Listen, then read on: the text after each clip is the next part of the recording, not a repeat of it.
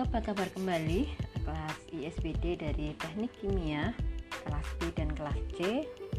Untuk sesi kali ini kita menggunakan siniar eh, rekaman suara yang akan membantu untuk pembelajaran sesi kali ini. Kita masih melanjutkan terkait dengan manusia dan budaya. Kemarin kita sudah membahas beberapa aspek-aspek budaya dan kemudian uh, renungan atau mungkin konsep-konsep terkait dengan apa itu budaya dan kemudian uh, kapan lahirnya kebudayaan dalam kehidupan manusia dan kemudian penciptaan kebudayaan dalam kelompok masyarakat. Jadi kemarin bahwa masyarakat itu uh, dia bermula dari individu Manusia selaku individu dia tidak bisa hidup sendiri. Dia membutuhkan yang lainnya karena manusia adalah makhluk sosial.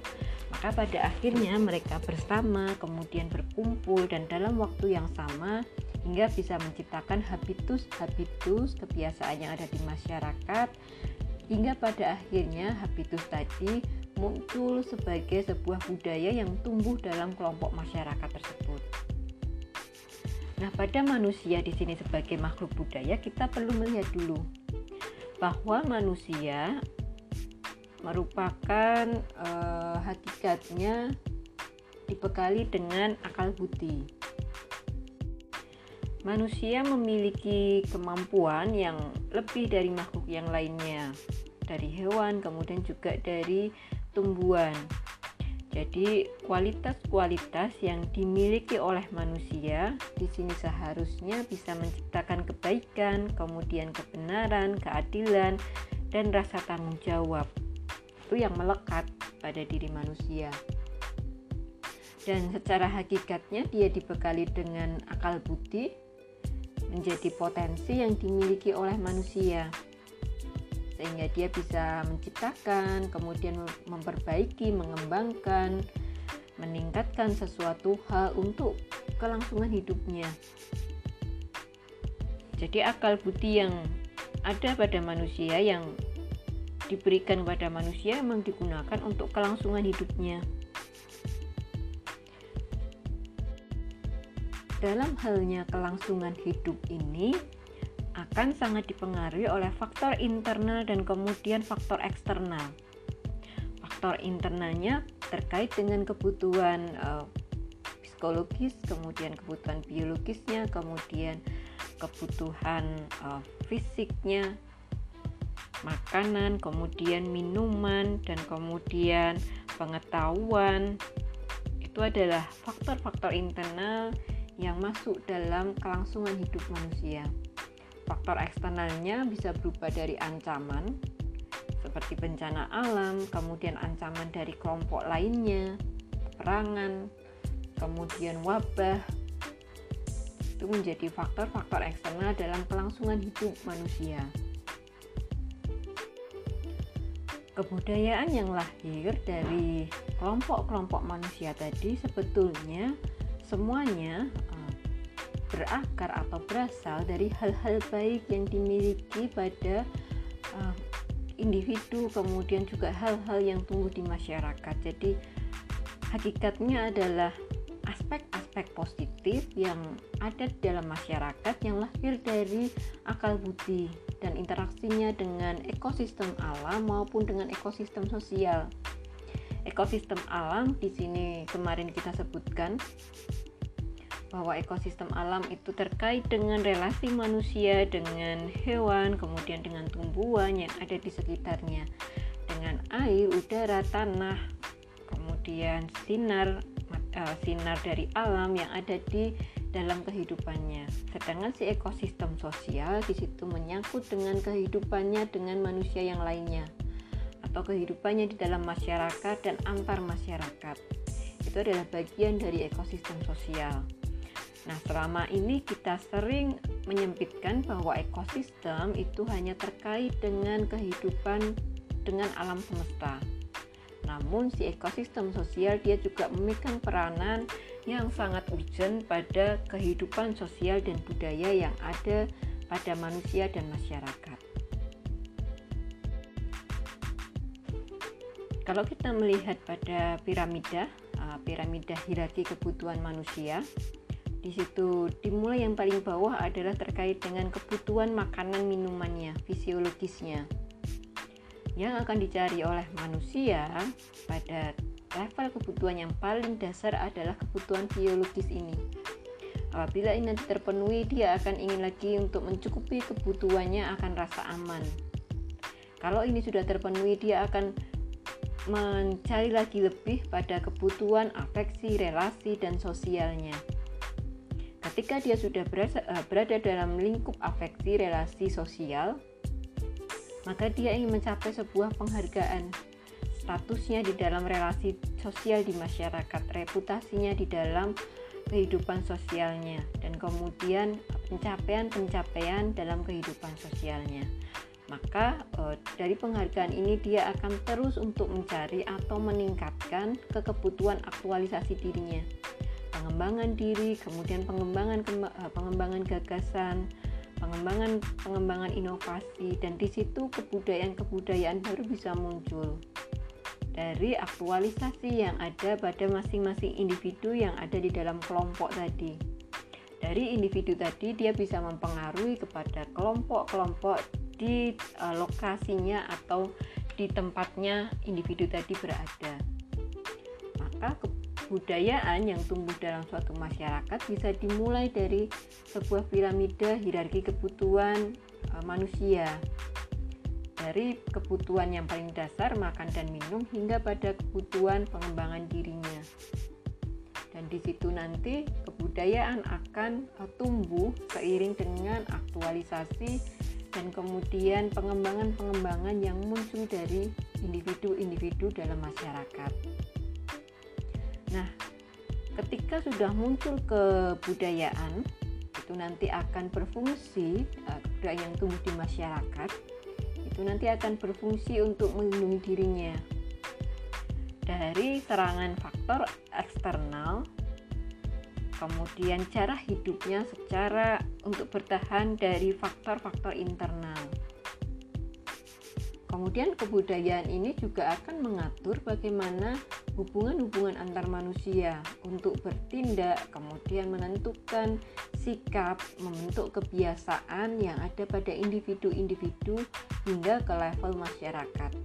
Kebiasaan-kebiasaan tadi atau habit-habit tadi habitus-habitus pada akhirnya menjadi hal yang diatur secara uh, resminya oleh kelompok masyarakat tadi dan kemudian dia akan menjadi bagian dari budaya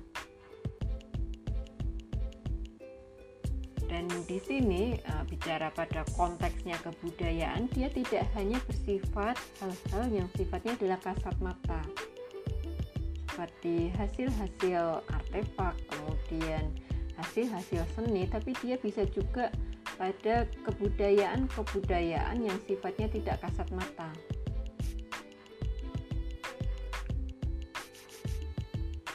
Habitus tadi, kemudian sikap, kemudian nilai-nilai yang dipegang itu menjadi bagian dari kebudayaan yang tumbuh di masyarakat. Jadi si kebudayaan uh, dia berasal dari kata dasarnya adalah budaya. Di situ menjadi suatu kemampuan yang dimiliki oleh setiap individu di dalam masyarakat untuk merespon pengaruh yang muncul di dalam lingkungannya. Hasil respon, kemudian hasil uh, pemenuhan hierarki kebutuhannya itu nanti akan menjadi sebuah budaya yang akhirnya menjadi kebudayaan itu sendiri. Jadi si budaya ini dia uh, sebagai sarana yang dihasilkan melalui cipta rasa karsa.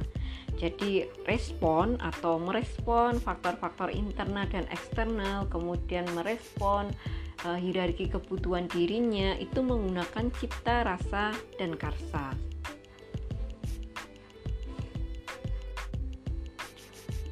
dapat juga sebetulnya uh, kebudayaan ini diartikan sebagai sebuah dinamika yang berkembang di masyarakat di mana di dalamnya terdapat aspek-aspek intelektual, kemudian aspek-aspek spiritual, dan kemudian juga aspek estetika yang tumbuh dari individu-individu maupun masyarakat yang bersangkutan. Jadi dalam di dalam kebudayaan tadi terdapat aspek intelektualnya, kemudian aspek spiritualnya dan kemudian aspek estetikanya. Bisa kita lihat contohnya adalah kesenian, kemudian teater, kemudian lukisan, kemudian artefak, kemudian nilai-nilai yang ada di dalam masyarakat, dan kemudian aktivitas yang ada di masyarakat, cara hidup yang ada di masyarakat itu menjadi bagian yang tidak terpisahkan dari intelektual, spiritual, dan estetika yang sedang tumbuh pada waktu itu. Kalau dibedakan, kalau tadi saya sebutkan bahwa budaya itu tidak selalu sifatnya adalah kasat mata, bisa juga dia tidak kasat mata. Kalau dikategorikan secara uh, rigid, dia bisa bentuk uh, kategori yang pertama adalah ide. Jadi ide-ide gagasan-gagasan itu sudah masuk menjadi bagian dari budaya. Dan kemudian kategori yang kedua adalah artifak.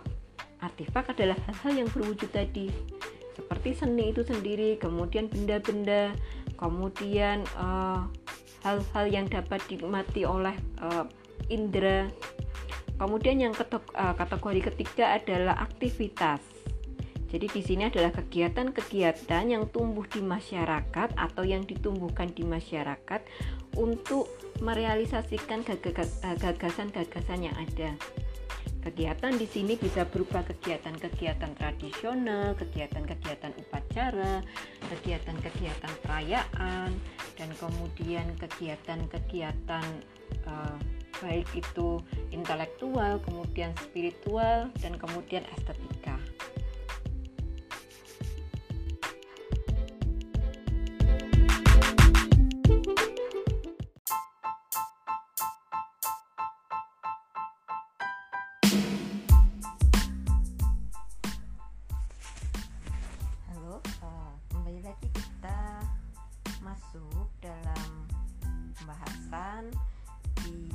Kajian atau kuliah ilmu sosial dan budaya. Di terakhir kita sudah membahas atau menyimak terkait dengan manusia dan peradaban. Kemudian bacaan terakhir kalau semisal itu pelajari kita membicarakan mengenai society 5.0 dalam konteksnya manusia dan peradaban ini adalah menjadi salah satu bagian dari kajian ilmu sosial dan budaya. Jadi uh, peradaban itu akan selalu mengalami perkembangannya. Kemudian terjadi perubahan-perubahan di dalamnya itu adalah hal yang tidak bisa dipungkiri kita akan terus mengikuti perkembangan yang ada. Namun juga ada pihak-pihak yang mana dia tidak bisa mengikuti perkembangan dan perubahan yang sedang terjadi. Ini nanti masuk ke dalam kesenjangan-kesenjangan di dalam peradaban. Jadi uh, dalam konteksnya manusia dan peradaban itu adalah hal yang tidak bisa terpisahkan. Dulu ada revolusi industri 1.0. Eh, kemudian berkembang menjadi revolusi industri 2.0 dan kemudian yang terakhir ke revolusi 4.0. Ini adalah konteks peradabannya. Di dalam peradaban ini tadi tentunya terdapat masyarakat di dalamnya. Aspek-aspek sosial, aspek-aspek budaya itu terjadi. Itu terus uh, mengelinding di dalamnya. Yang mana dulunya masyarakat di revolusi industri 4.0 yang dimulai dari masyarakat berburu dan meramu, kemudian mereka mengembangkan penemuan-penemuan mereka, mereka mengembangkan pengetahuan mereka, kemudian teknologi mereka, hingga pada akhirnya berkembang menjadi masyarakat industri. nanti akan berkaitan dengan persoalan pembangunan. Jadi dari revolusi industri 1.0 sampai dengan 4.0 juga tidak terlepas dari bangunan atau um, analisis kajian dari aspek pembangunannya. Nah, di dalam peradaban ini tadi, selain di dalamnya terdapat perkembangan industri, uh, perkembangan pembangunan, kemudian terdapat masyarakatnya, kemudian juga terdapat uh, dari kelompok masyarakat tadi adalah individu-individu sebagai unit terkecil dari masyarakat. Di dalamnya terdapat para manusia-manusia dengan generasi-generasi yang berbeda. Revolusi industri industri 1.0 mereka memiliki karakteristik masyarakat dan generasi yang berbeda. Kemudian revolusi industri 4.0 juga memiliki karakteristik masyarakat, kemudian generasi yang berbeda. Kita akan lihat. Pertama tadi kita membahas dulu mengenai revolusi industri. Yang pertama, eh, ketika muncul revolusi industri 1.0 di tahun 1700-an di sini ditandai dengan perkembangan, kemudian penemuan dan kemudian penggunaan mesin uap dalam industri. Jadi pengolahan besi dan baja mulai dikelola, kemudian mulai dilakukan pengembangan-pengembangan teknologi dengan besi dan baja pada era revolusi industri 1.0. Di sini uh, di sinilah awal mula pembangunan pada konteksnya modernisasi. Jadi perkembangan dari masyarakat tradisional menuju ke masyarakat modern. Kemudian mereka mulai mengembangkan uh, aktivitas-aktivitas perekonomian mereka yang awalnya adalah perekonomian tradisional dan ekonomi-ekonomi sederhana. Kemudian mereka mulai bergerak ke arah industri dengan pengembangan-pengembangan teknologi besi dan baja. Kemudian dari masa revolusi industri 1.0 bukan berarti mulus begitu saja, tapi juga terjadi beberapa aspek. Kemarin saya bahas dalam artikel saya zaman bergegas dan melambat. Jadi dalam setiap era peradaban, kemudian era revolusi industri terjadi percepatan-percepatan. Tapi Akibat dari percepatan-percepatan ini pasti ada efek negatifnya bagi lingkungan. Ketika muncul demikian, maka pada akhirnya terjadi kelambatan. Melambat sebentar, kemudian nanti akan menemukan momentumnya lagi untuk kembali melesat. Jadi, ketika ditemukan aspek-aspek baru, kemudian teknologi-teknologi baru, bukan berarti kemudian semuanya berkembang dengan pesat. Temuan-temuan tadi pasti akan menimbulkan dampak, kemudian akan merugikan bagi lingkungan, baik secara ekosistem alam maupun ekosistem sosial. Terjadi e, bencana, wabah, itu adalah bagian dari perkembangan atau dinamika yang muncul dalam setiap peradaban tadi. Jadi apa yang dilakukan manusia tetap akan memberikan sentuhannya pada ekosistemnya.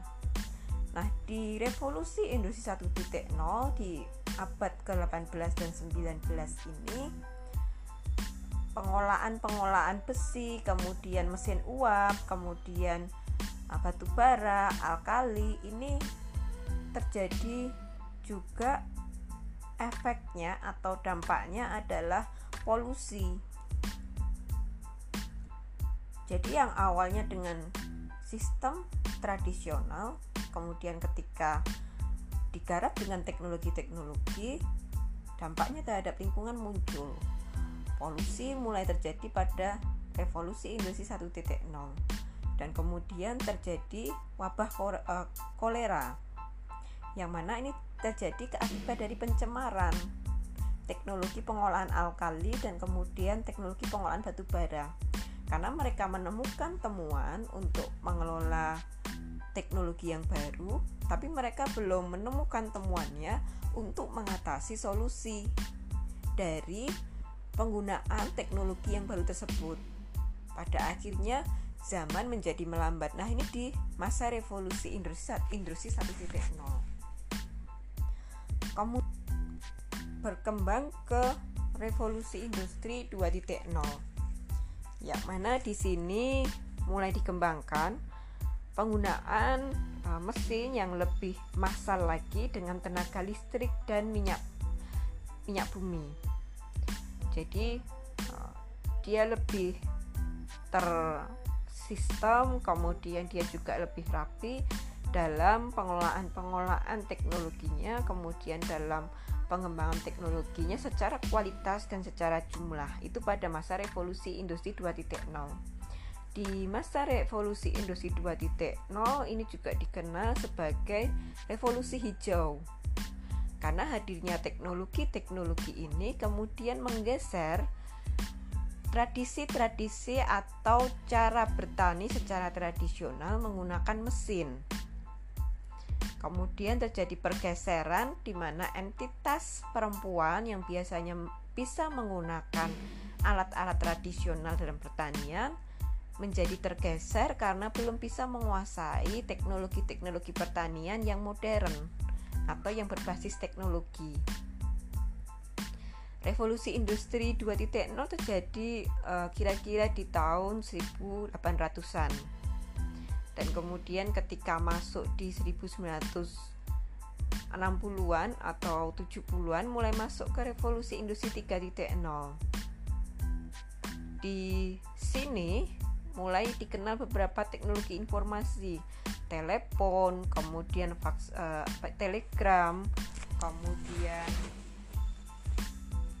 teknologi-teknologi komunikasi yang masih sederhana kemudian masih uh, bisa kita katakan itu jadul atau tradisional karena generasi sekarang pasti tidak akan menemukannya lagi. Jadi bagaimana penemuan komputer yang dia berukuran sangat besar kemudian penemuan telepon kemudian penemuan uh, mesin-mesin pabrik yang lebih canggih itu muncul pada masa revolusi industri 3.0 dan berlangsung sampai dengan di masa 2000-an. Jadi perkembangan komputer kemudian uh, menjadi ke gadget yang sekarang laptop kemudian Android itu terjadi pada masa revolusi industri 3.0 kemudian penemuan uh, teknologi yang dikeluarkan oleh Nokia di awal misalnya.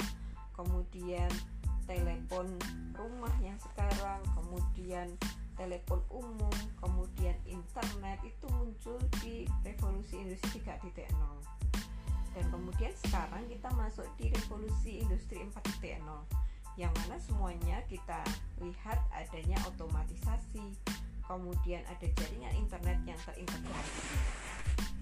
Ini adalah perkembangan dari revolusi industri 1.0 ke 4.0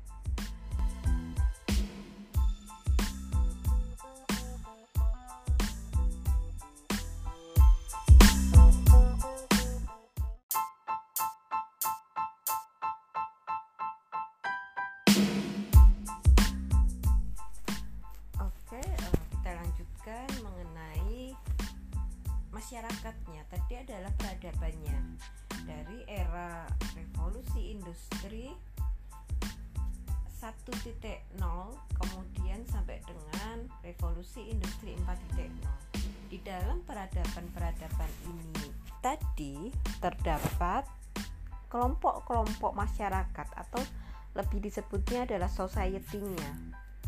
Dalam bahasa globalnya mereka menyebutnya society. Jadi ketika masa revolusi industri 1.0 di situ terdapat masyarakat society 1.0.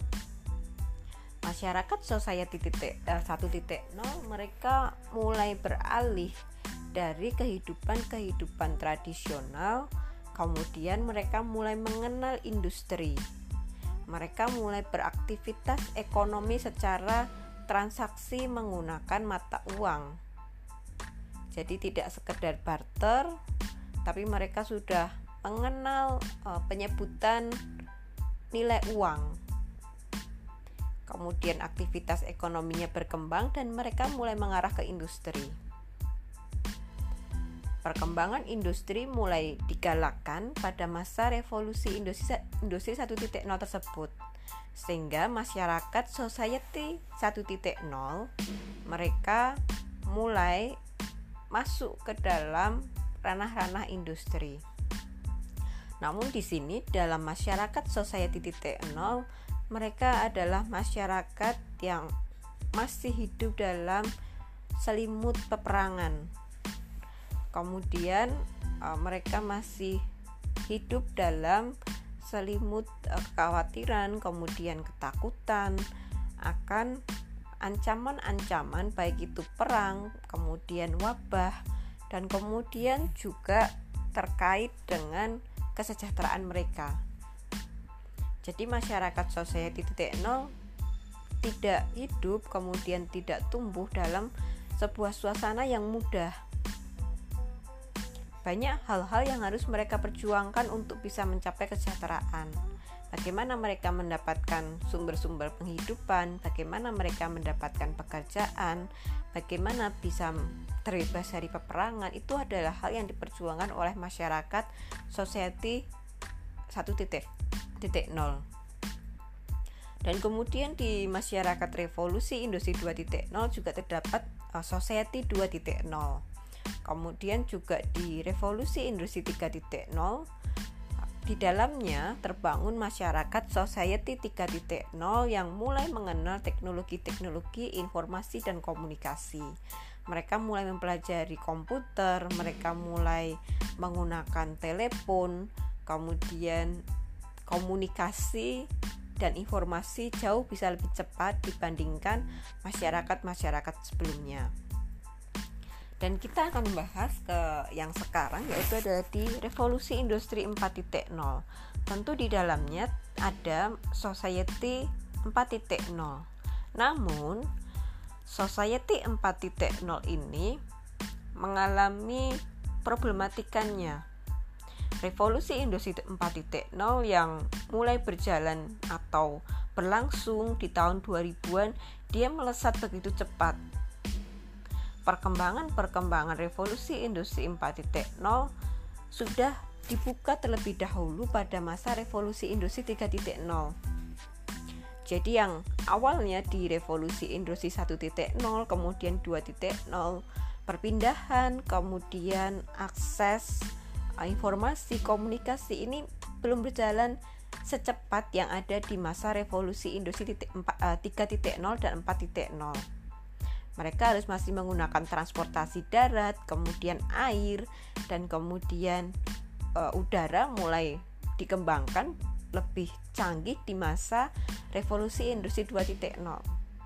Meskipun pada 1.0 sudah ditemukan pesawat, e, namun belum secara maksimal atau belum digunakan dalam skala besar. Nah, ketika di revolusi industri 3.0 akses percepatan ini sudah dibuka dan sudah terbuka, masyarakat sudah mulai mengenal uh, perpindahan-perpindahan informasi, kemudian komunikasi manusia dan barang yang lebih cepat, maka kemudian globalisasi terjadi yang membuat antara satu titik negara dengan negara yang lainnya seakan berdekatan, seakan mereka dalam satu lokasi yang sama, meskipun eh, lokasi negaranya berbeda. Tapi apa yang terjadi di negara lain dapat dengan cepat terdeteksi, kemudian tersebar, terinformasikan ke negara yang lainnya. Ini pada masa revolusi industri 3.0 di akhir masa revolusi industri 3.0 jauh lebih cepat lagi. Apa yang terjadi di India, di jam yang bersangkutan mungkin dua jam kemudian selisih dua jam di Indonesia sudah sampai informasinya. Kemudian apa yang terjadi di Amerika dapat seketika waktu itu juga tersampaikan di Indonesia. Ini adalah globalisasi yang terjadi jadi eh, globalisasi menjadi salah satu faktor yang muncul dalam sosial dan budaya ini sangat mempengaruhi sekali Globalisasi kemudian mengubah segalanya yang terjadi antara negara-negara maju dan kemudian negara pinggiran atau negara berkembang. Globalisasi mengubah tatanan struktur masyarakat dan kemudian budaya yang ada di masyarakat. Mereka bisa mengenal budaya antara satu lokasi dengan lokasi yang lainnya. Kemudian eh, dari perkenalan bisa juga kemudian muncul penetrasi budaya dan kemudian akulturasi budaya. Itu adalah hal yang tidak dipungkiri dalam globalisasi. Kemudian globalisasi juga membawa perubahan di aspek ekonominya. Perpindahan barang, manusia, dan kemudian informasi jauh lebih cepat yang bisa mempengaruhi aktivitas-aktivitas dan dinamika ekonomi di suatu wilayah atau negara. Kemudian juga dalam politik, kemudian juga dalam informasi itu sendiri dan komunikasi itu. Ini sudah dimulai sejak masa revolusi industri 3.0. Dan gap-gap atau kesenjangan-kesenjangan mulai terjadi di masa revolusi industri 3.0 yang mana di awal revolusi industri 1.0 dan kemudian 2.0 yang mengalami penemuan-penemuan, pengembangan-pengembangan teknologi banyak dilakukan oleh negara-negara maju. Dan negara pinggiran nanti akan menjadi penerima dampaknya mereka membuat mesin uap, mereka membuat mesin industri, dan kemudian akan membawanya ke negara pinggiran. Mereka jauh lebih maju, mereka jauh lebih adaptif ketika melakukan perkembangan revolusi industri 1.0 dan kemudian 2.0. Ketika masuk di revolusi industri 3.0, mereka jauh lebih siap dibandingkan negara-negara pinggiran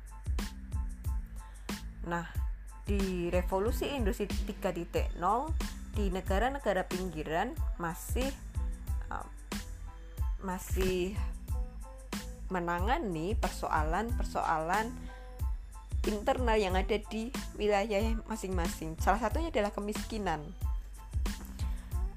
Di dalam kemiskinan ini kemudian menjadi kesenjangan perkembangan dalam revolusi industri 3.0 menjadi terasa bagi masyarakatnya masyarakat society 3.0 ada yang mereka bisa menguasai perkembangan teknologinya komunikasi dan informasi ada yang masih tertinggal.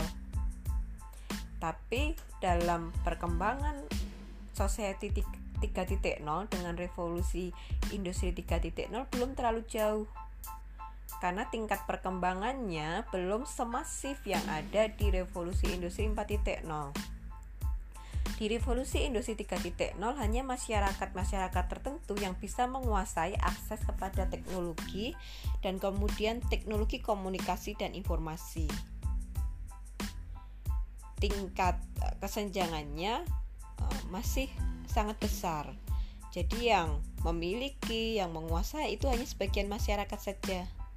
Sebagian besarnya mereka masih terbiasa dalam aktivitas-aktivitas lamanya atau yang masih cenderung belum begitu lekat dengan teknologi informasi dan komunikasi atau masih menggunakan cara-cara konvensionalnya. Ketika masuk di revolusi industri 4.0 ternyata perkembangan teknologi informasi dan komunikasi, kemudian otomas, otomati, otomatisasi, kemudian juga uh, internet dengan jaringan semakin lebar di sini uh, muncul kesenjangan yang semakin lebar. Jadi uh, masyarakat yang bisa menguasai teknologi dengan masyarakat yang belum bisa menguasai teknologi jumlahnya sebetulnya lebih banyak yang menguasai. Sedangkan mereka yang tidak berhasil menguasai menguasainya pada akhirnya harus tertinggal.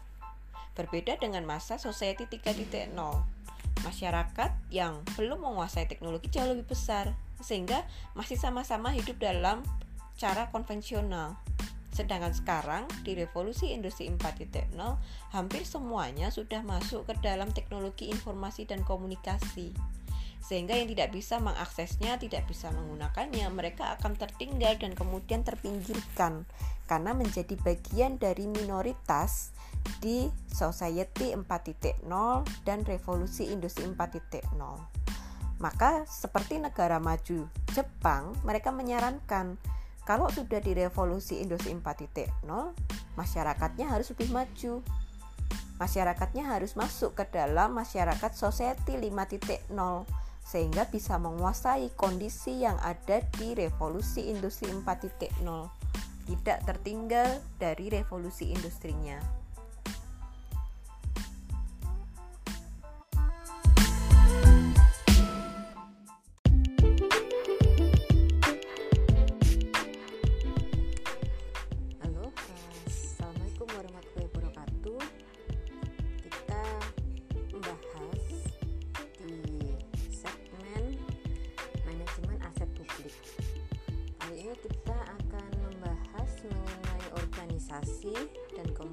Kemudian tata kerja dari organisasi manajemen aset. Rekan-rekan dari administrasi negara atau administrasi publik tentu sangat memiliki kesempatan untuk bisa bergabung menjadi bagian dari pengelola aset negara atau aset daerah. Tentu pengelola aset negara atau aset daerah mereka merupakan struktur kelembagaan atau struktur perangkat daerah yang ada di instansi kementerian atau kelembagaan ataupun yang ada di organisasi perangkat daerah. Ini menjadi peluang khusus untuk lulusan-lulusan dari ilmu administrasi negara atau administrasi publik. Sebelumnya ada tahapan-tahapan dalam sebuah manajemen pengelolaan aset situ ada perencanaan dan penganggaran. Ini masuk ke lingkup manajemen keuangan kemudian masuk ke tahap pengadaannya kemudian masuk ke tahap penggunaan dan pemanfa uh, pemanfaatan setelah selesai pengadaan atau tersedianya barang.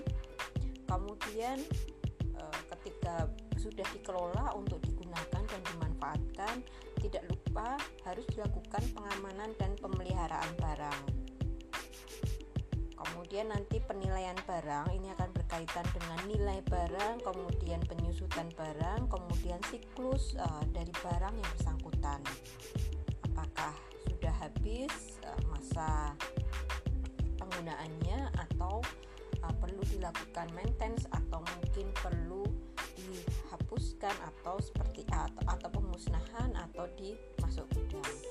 Kemudian ada juga tahap pemindah tanganan kemudian berikutnya adalah pemusnahan dan penghapusan. Itu adalah serangkaian dari penata usahaan barang milik negara atau milik daerah.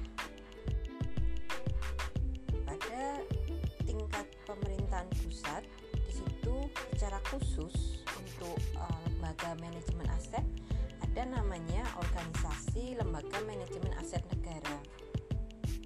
Apa ini lembaga manajemen aset negara jadi dia semacam BLU atau Badan Layanan Umum yang memiliki tugas khusus untuk melakukan pendayagunaan, kemudian juga uh, kerjasama dalam optim optimalisasi aset untuk pengelolaan aset-aset negara.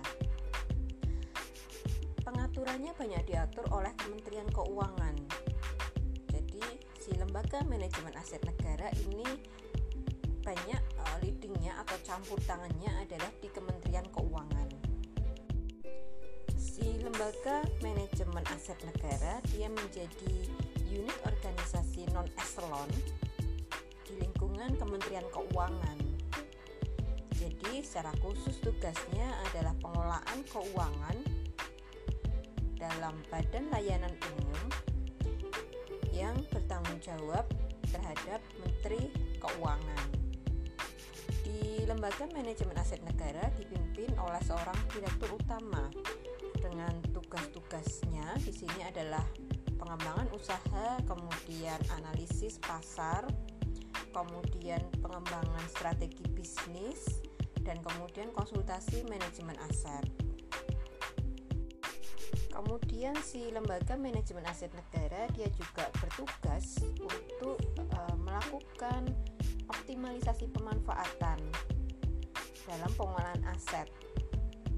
Bagaimana melakukan pemindah tanganan, kemudian bagaimana melakukan pinjam pakai dan kemudian bagaimana pengamanan, kemudian pemeliharaan aset, eh, kemudian perjanjian pengolahan aset antara pihak pertama dengan pihak kedua atau dengan pihak ketiga juga.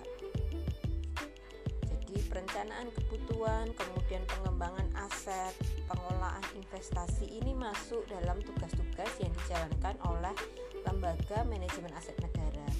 Jadi secara luasnya si lembaga manajemen aset negara yang dipimpin oleh seorang direktur dia akan melakukan analisis pasar kemudian konsultasi manajemen aset pelayanan pengembangan usaha kemudian optimalisasi pemanfaatannya dari peminjaman pemindah tanganan kemudian pengelolaan pem, pengamanannya pemeliharaannya penyusunan perjanjian antar pihak pertama kedua juga ketiga mungkin kemudian sampai dengan perencanaan kebutuhan dan pengembangan aset yang nantinya dimiliki oleh negara dan dikelola oleh negara.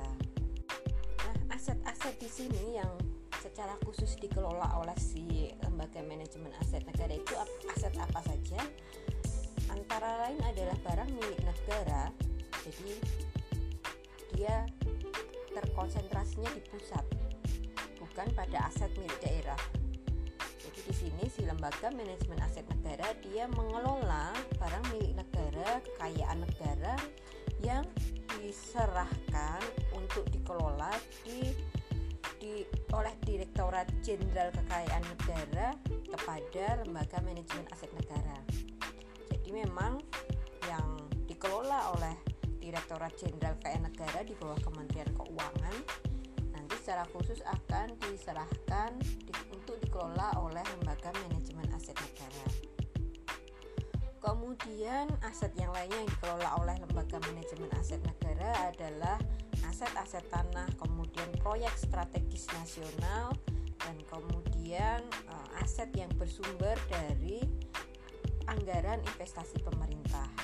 Jadi cara mereka memiliki aset-aset khusus yang harus mereka kelola sedangkan aset yang lainnya itu dikelola oleh struktur atau organisasi atau tata kerja yang ada di masing-masing kelembagaan dan kemudian juga kementerian atau organisasi perangkat. Dalam lembaga manajemen aset negara, para pegawai di sini mereka bersifat memiliki jabatan fungsionalnya. Jadi bukan jabatan struktural tapi jabatan fungsional yang terdiri dari kalau secara struktur pimpinannya. Di situ ada beberapa direksi. Ada direktur keuangan kemudian ada direktur operasional dan manajemen risiko kemudian ada direktur pengadaan dan pendanaan khususnya untuk aset berupa lahan kemudian direktur pengembangan dan pendayagunaan jadi di sini segmen-segmen mengenai keuangan kemudian organisasi, kemudian operasional dan manajemen resiko, kemudian segmen pengadaan dan pendanaan, kemudian segmen pengembangan itu menjadi skill kemudian juga uh, fungsional yang dibutuhkan untuk mengisi lembaga manajemen aset negara. Jadi si lembaga manajemen aset negara ini semacam seperti atau kalau di administrasi negara kita bisa mengenalnya KSAN KSAN atau Komisi Administrasi Khusus untuk Administrasi Negara atau uh, dia juga semacam lembaga-lembaga non eselon pada kementerian. jadi memang rekrutmennya kemudian eh, persyaratannya ini memang sudah memenuhi beberapa kriteria-kriteria tertentu untuk bisa masuk kepada jabatan fungsional. Biasanya mereka yang bisa masuk menjadi jajaran direktur atau mungkin jajaran dari struktur organisasi di lembaga manajemen aset negara dibutuhkan jam terbang terlebih dahulu atau pengalaman kerja sebelumnya baik di tingkat organisasi perangkat daerah mungkin atau mungkin di kelembagaan dan kementerian memang uh, ini menjadi jabatan fungsional yang menjadi promosinya untuk bisa masuk ke lembaga manajemen aset negara. Ini gambaran pertama dalam organisasi kemudian struktur pengolahan tata kerja manajemen aset. Kita mengenal pertama di tingkat pusat ada lembaga manajemen aset negara ini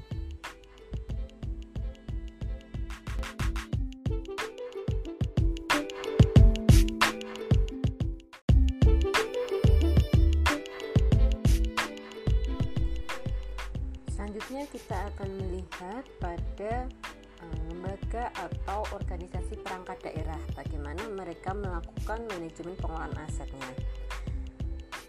Di organisasi perangkat daerah dibutuhkan juga sebuah uh, tata kerja organisasi yang secara khusus memiliki tugas untuk mengelola aset-aset daerahnya. Di sini bisa berupa sumber daya manusia, ataupun uh, sebuah organisasi yang terstruktur dalam sebuah institusi khusus. Nah, di dalam organisasi perangkat daerah maupun kelembagaan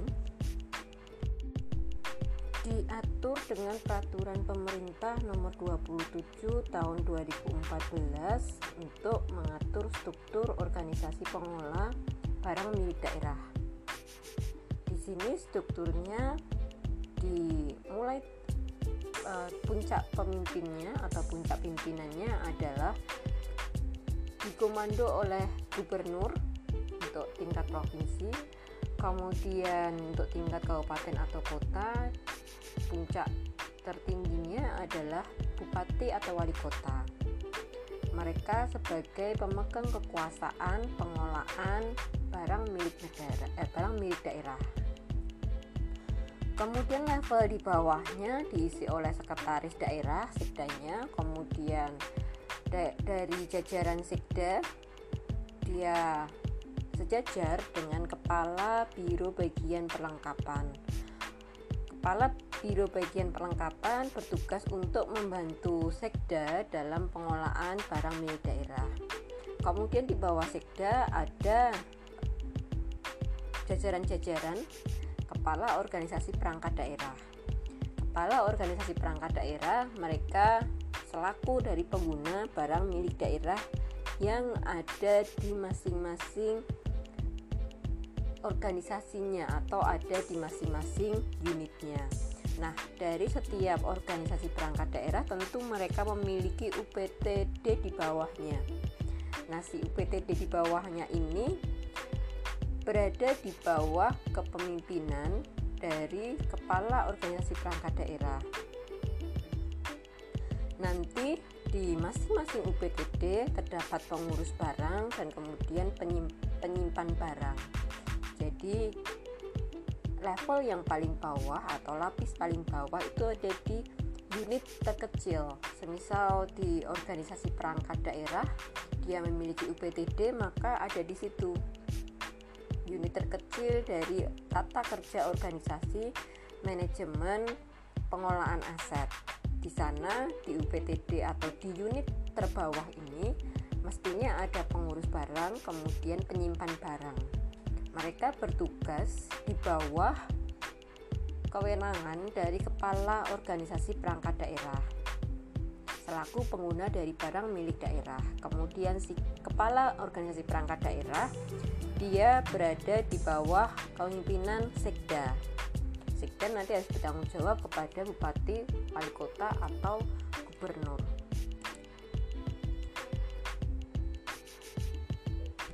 Dan secara lebih uh, rinci lagi, di situ dalam pengelolaan atau pejabat pengelola barang milik daerah.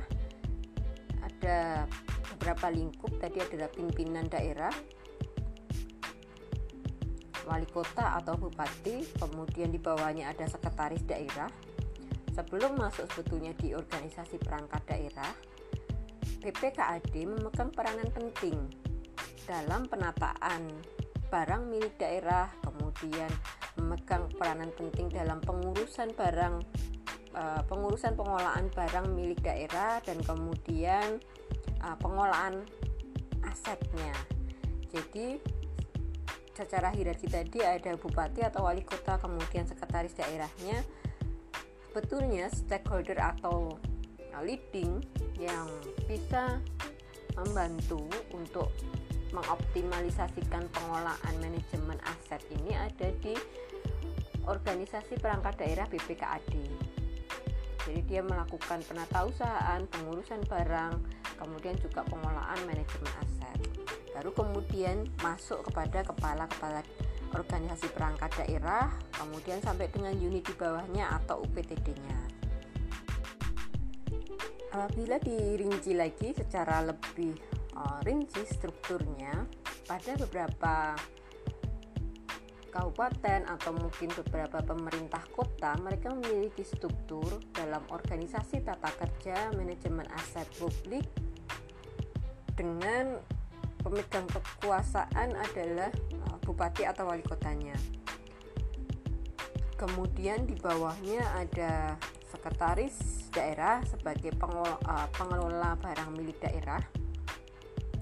Dan selain uh, dia menjadi seorang pengelola barang milik daerah, sekretaris daerah atau sekda juga menjadi penggunanya. Maka sekretaris daerah dia sifatnya juga sejajar dengan kepala organisasi perangkat daerah dan kemudian juga kepala BPKAD. Jadi, kepala organisasi perangkat daerah sebagai pengguna barang, sekretaris daerah sebagai pengelola barang dan juga pengguna barang. Sedangkan kepala BPKAD dia bertugas untuk melakukan penatausahaan barang milik daerah. Nah, nanti struktur di bawahnya di setiap organisasi perangkat daerah selaku pengguna barangnya adalah kepala dinasnya atau kepala organisasinya. Di bawahnya ada kasubag kasubag umum. Mungkin nanti ketika kalian proses uh, mata kuliah magang kalian akan mengenal struktur-struktur ini. Oh, ternyata di dinas atau di organisasi perangkat daerah di bawah kepala dinas nanti ada kasubag umum. Kemudian nanti ada staf uh, badan. Kemudian nanti di bawahnya lagi ada staf UPTD. Jadi si kepala dinas dia sebagai pengguna barang, kasubag umum dia bertugas untuk penata usahaan penggunaan barang, kemudian nanti staff dia bertugas sebagai pengurus pengurus barang dan kemudian UPTD dia juga sebagai pengurus barang yang ada di lingkup UPTD-nya. Di Sekda secara uh, hierarki di bawahnya nanti ada bagian umum yang ikut mengurusi penggunaan barang di lingkup Sekda. Jadi secara umumnya tadi sebetulnya dari gubernur kemudian ke sekda sekda kepada kepala biro perlengkapan yang secara khusus itu biasanya dipegang oleh BPKAD kemudian ke bawahnya dari sekretaris daerah adalah ke setiap kepala organisasi perangkat daerah. Kepala organisasi perangkat daerah akan turun ke unit UPTD di bawahnya. Di sana ada pengurus barang dan penyimpan barang. Namun Nah, secara lebih rincinya tertingginya adalah wali kota atau bupati, kemudian di bawahnya ada sekretaris daerah sebagai pengelola barang eh, sekaligus pengguna barang. Kemudian para pengguna yang lainnya adalah kepala organisasi perangkat daerah. Kemudian sekretaris daerah, kemudian ke bawahnya nanti ada kasubag umum dan kemudian bagian umum untuk lokasi unit sekda kemudian dari kasubag umum nanti akan ke staff kemudian dari staff nanti akan turun kepada staff UPTD-nya Jadi hierarkinya sebetulnya hampir sama, tinggal nanti SOTK dari setiap masing-masing organisasi atau SOTK dari setiap masing-masing wilayah kabupaten atau kota. Nah, para e, pejabat pengelola barang milik daerah ini tentu memiliki tugas-tugas khusus. Saja e, tugas-tugasnya?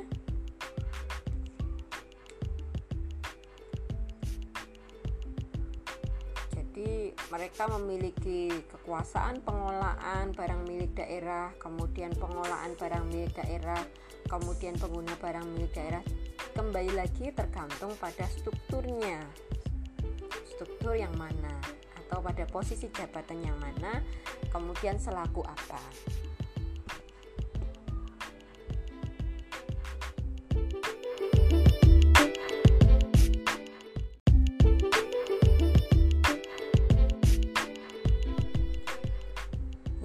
Pertama, pemegang kekuasaan pengelolaan barang milik daerah, yakni para wali kota, kemudian bupati. Mereka memiliki tugas, kemudian kewenangan untuk menetapkan kebijakan terkait dengan manajemen aset daerah atau manajemen barang milik daerah. Kemudian mereka menetapkan untuk kebijakan-kebijakan dalam tahapan manajemen aset daerah dimulai dari pengadaan, kemudian penggunaan, kemudian pemanfa uh, pemanfaatannya, kemudian pengamanan dan pemeliharaan, kemudian juga pemindah tanganan. Dia mengatur bagaimana proses-proses dari setiap jenis barang milik daerah untuk uh, setiap proses tahapannya. Itu bisa diatur oleh bupati atau wali kota. Tentu dengan peraturan daerahnya atau peraturan wali kota bupatinya kemudian dia bisa mengajukan dan menyetujui untuk dilakukan pemusnahan ataupun pemindah tanganan penghapusan dari barang milik daerah. Jadi segala bentuk pemindah tanganan, segala bentuk pemusnahan dan penghapusan aset barang milik daerah itu atas persetujuan dan kemudian atas ajuan dari seorang bupati atau wali kota atau gubernur selaku pemegang kekuasaannya. Di level berikutnya yang kedua yaitu di pengelola barang milik daerah atau di sini adalah sekda tadi. Dia bertugas untuk menyetujui rencana. Jadi perencanaan kebutuhan barang milik daerah atau perencanaan aset itu harus, di, harus disetujui dulu oleh sekda. Kemudian dia harus mengetahui dan menyetujui pemeliharaan-pemeliharaan aset atau barang milik daerah. Ini dilakukan oleh sekda. Jadi biasanya akan terhierarki dari bagian umum tadi kemudian nanti akan diajukan kepada sekda untuk dilakukan ACC-nya lewat sebuah proses bisnis atau tata naskah dinas yang um, berisi terkait dengan manajemen atau yang berisi terkait dengan barang milik daerah tadi substansi-substansi barang milik daerah entah itu perencanaannya entah itu kebutuhan perawatannya itu lewat dulu pada bagian umum sekretaris daerah dan nanti akan disetujui atau ditandatangani oleh sekretaris daerah atau diparaf oleh sekretaris daerah. Kemudian sekretaris daerah di sini selaku pengelola barang milik daerah dia akan mengawasi kemudian akan mengatur juga penggunaan, pemanfaatan, pemusnahan dan penghapusan dari aset atau barang milik daerah. Kemudian dia akan mengkoordinasi dan juga melakukan pengendalian terhadap aset daerah. Kemudian masuk ke bawahnya yaitu di level pengguna barang milik daerah pengguna barang milik daerah tadi adalah para kepala dinas, kepala organisasi perangkat daerah, kemudian sekda itu sendiri. Dia memiliki tanggung jawab, kemudian tugas dan kewenangannya untuk mulai melakukan pengajuan rencana atau perencanaan atau penganggaran barang milik daerah pada setiap masing-masing organisasi perangkat daerah yang ada di bawah pemimpinannya. Jadi di sini nanti akan masuknya ke dalam RKP. Jadi dalam RKP dia sudah menyusun rencana-rencana kebutuhan pengelolaan aset-asetnya atau barang milik daerahnya. kemudian si kepala dinas atau kepala perangkat daerah dia juga harus melakukan inventarisasi terhadap barang milik daerah yang ada di lingkup kerjanya atau lingkup tupoksinya kemudian menggunakan barang milik daerah untuk kepentingan publik kepentingan umum bukan untuk kepentingan pribadi kemudian melakukan pemeliharaannya terhadap barang milik daerah atau aset yang dimiliki dan mengusulkan untuk dilakukan pemusnahan atau penghapusan terhadap barang milik daerah yang sudah mengalami penyusutan atau sudah tidak bisa lagi digunakan. Ini dilakukan oleh kepala dinas. Meskipun demikian, kepala dinas atau pengguna barang milik daerah tentu tidak bekerja sendirian dia pasti akan di backup uh, di atau dibantu oleh para pengurus dan kemudian penyimpan barang milik daerah. Pengurus dan barang milik daerah ini ada di uh, unit terkecilnya atau unit UPTD-nya. Mereka akan melaporkan bagaimana ajuan rencananya, kemudian mereka harus melaporkan inventarisasinya, kemudian mereka harus melaporkan uh, pemeliharaan dan kemudian mereka akan melaporkan pengawasan terhadap barang milik daerah. Jadi laporannya bersifat bottom up dari bawah ke atas. Kemudian uh, dari top downnya bisa juga top down berupa pengajuan dari pemegang kekuasaan pengelolaan barang milik negara yakni bupati atau wali kota atau gubernur. Mereka juga bisa top down untuk melakukan pengajuan. Kemudian tentu ada kemarin alur dari sebuah uh, tahapan atau ruang lingkup pengelolaan aset atau pengelolaan barang milik daerah. Kemarin kita uraikan dimulai dari perencanaan dan penganggaran, kemudian pengang pengadaan, kemudian yang ketiga penggunaan, kemudian yang keempat pemanfaatan, kemudian kelima adalah pengamanan dan pemeliharaan. Kemudian nanti keenam ada penilaian, ketujuh pemindah tanganan, kemudian ke delapan pemusnahan, kesembilan bisa penghapusan kembali lagi adalah nanti 10 ke penatausahaan begitu seterusnya menjadi sebuah siklus sebetulnya. Nah terkait dengan pengamanan dan pemeliharaan di sini tadi dilakukan oleh si pengguna. Pengguna barang milik daerah si pengguna di sini dimulai dari level kepala da, uh, kepala SKPD-nya atau kepala organisasi perangkat daerah kemudian juga level sekda kemudian di bawahnya ada pengurus dan penyimpan. Tentu saja mereka melakukan pengamanan dan pemeliharaan. Dalam aspeknya pengamanan dan pemeliharaan yang mereka lakukan pengamanan dan pemeliharaan ini adalah pada lingkup masing-masing unitnya pada lingkup masing-masing tupoksinya jadi setiap dinas atau setiap organisasi ya mereka harus melakukan pengamanan dan pemeliharaan asetnya masing-masing. Pengamanan di sini bisa berupa pengamanan fisik, kemudian bisa berupa pengamanan administrasi, dan kemudian ah, pengamanan hukum. Jadi di organisasi perangkat daerah tadi di bawah dari kepala dinas, ya ini adalah subaknya, kasubaknya. Kasubak tadi harus membuat e, daftar hasil pemeliharaan barang daftar hasil pemeliharaan barang ini untuk melihat kondisi kemudian untuk uh, perbaikan atau perawatan dari barang-barang yang dimilikinya agar kondisinya bisa terawat baik dan uh, layak. Jadi pemeliharaan dan pengamanan secara teknikalnya dilakukan oleh Kasubag. Meskipun nanti di bawahnya nanti ada uh, penyimpan dan kemudian juga pengurus barang milik daerah. Laporan khusus terkait dengan uh, hasil pemeliharaan barang itu dilaporkan satu kali dalam satu siklus akuntansi atau satu uh, satu kali dalam satu tahun anggaran. Jadi laporan dari Kasubag kemudian nanti akan diserahkan kepada kepala OPD. Kepala OPD nanti akan menyerahkannya kepada Sekda dan BPKAD kemudian juga akan diketahui oleh wali kota atau bupati.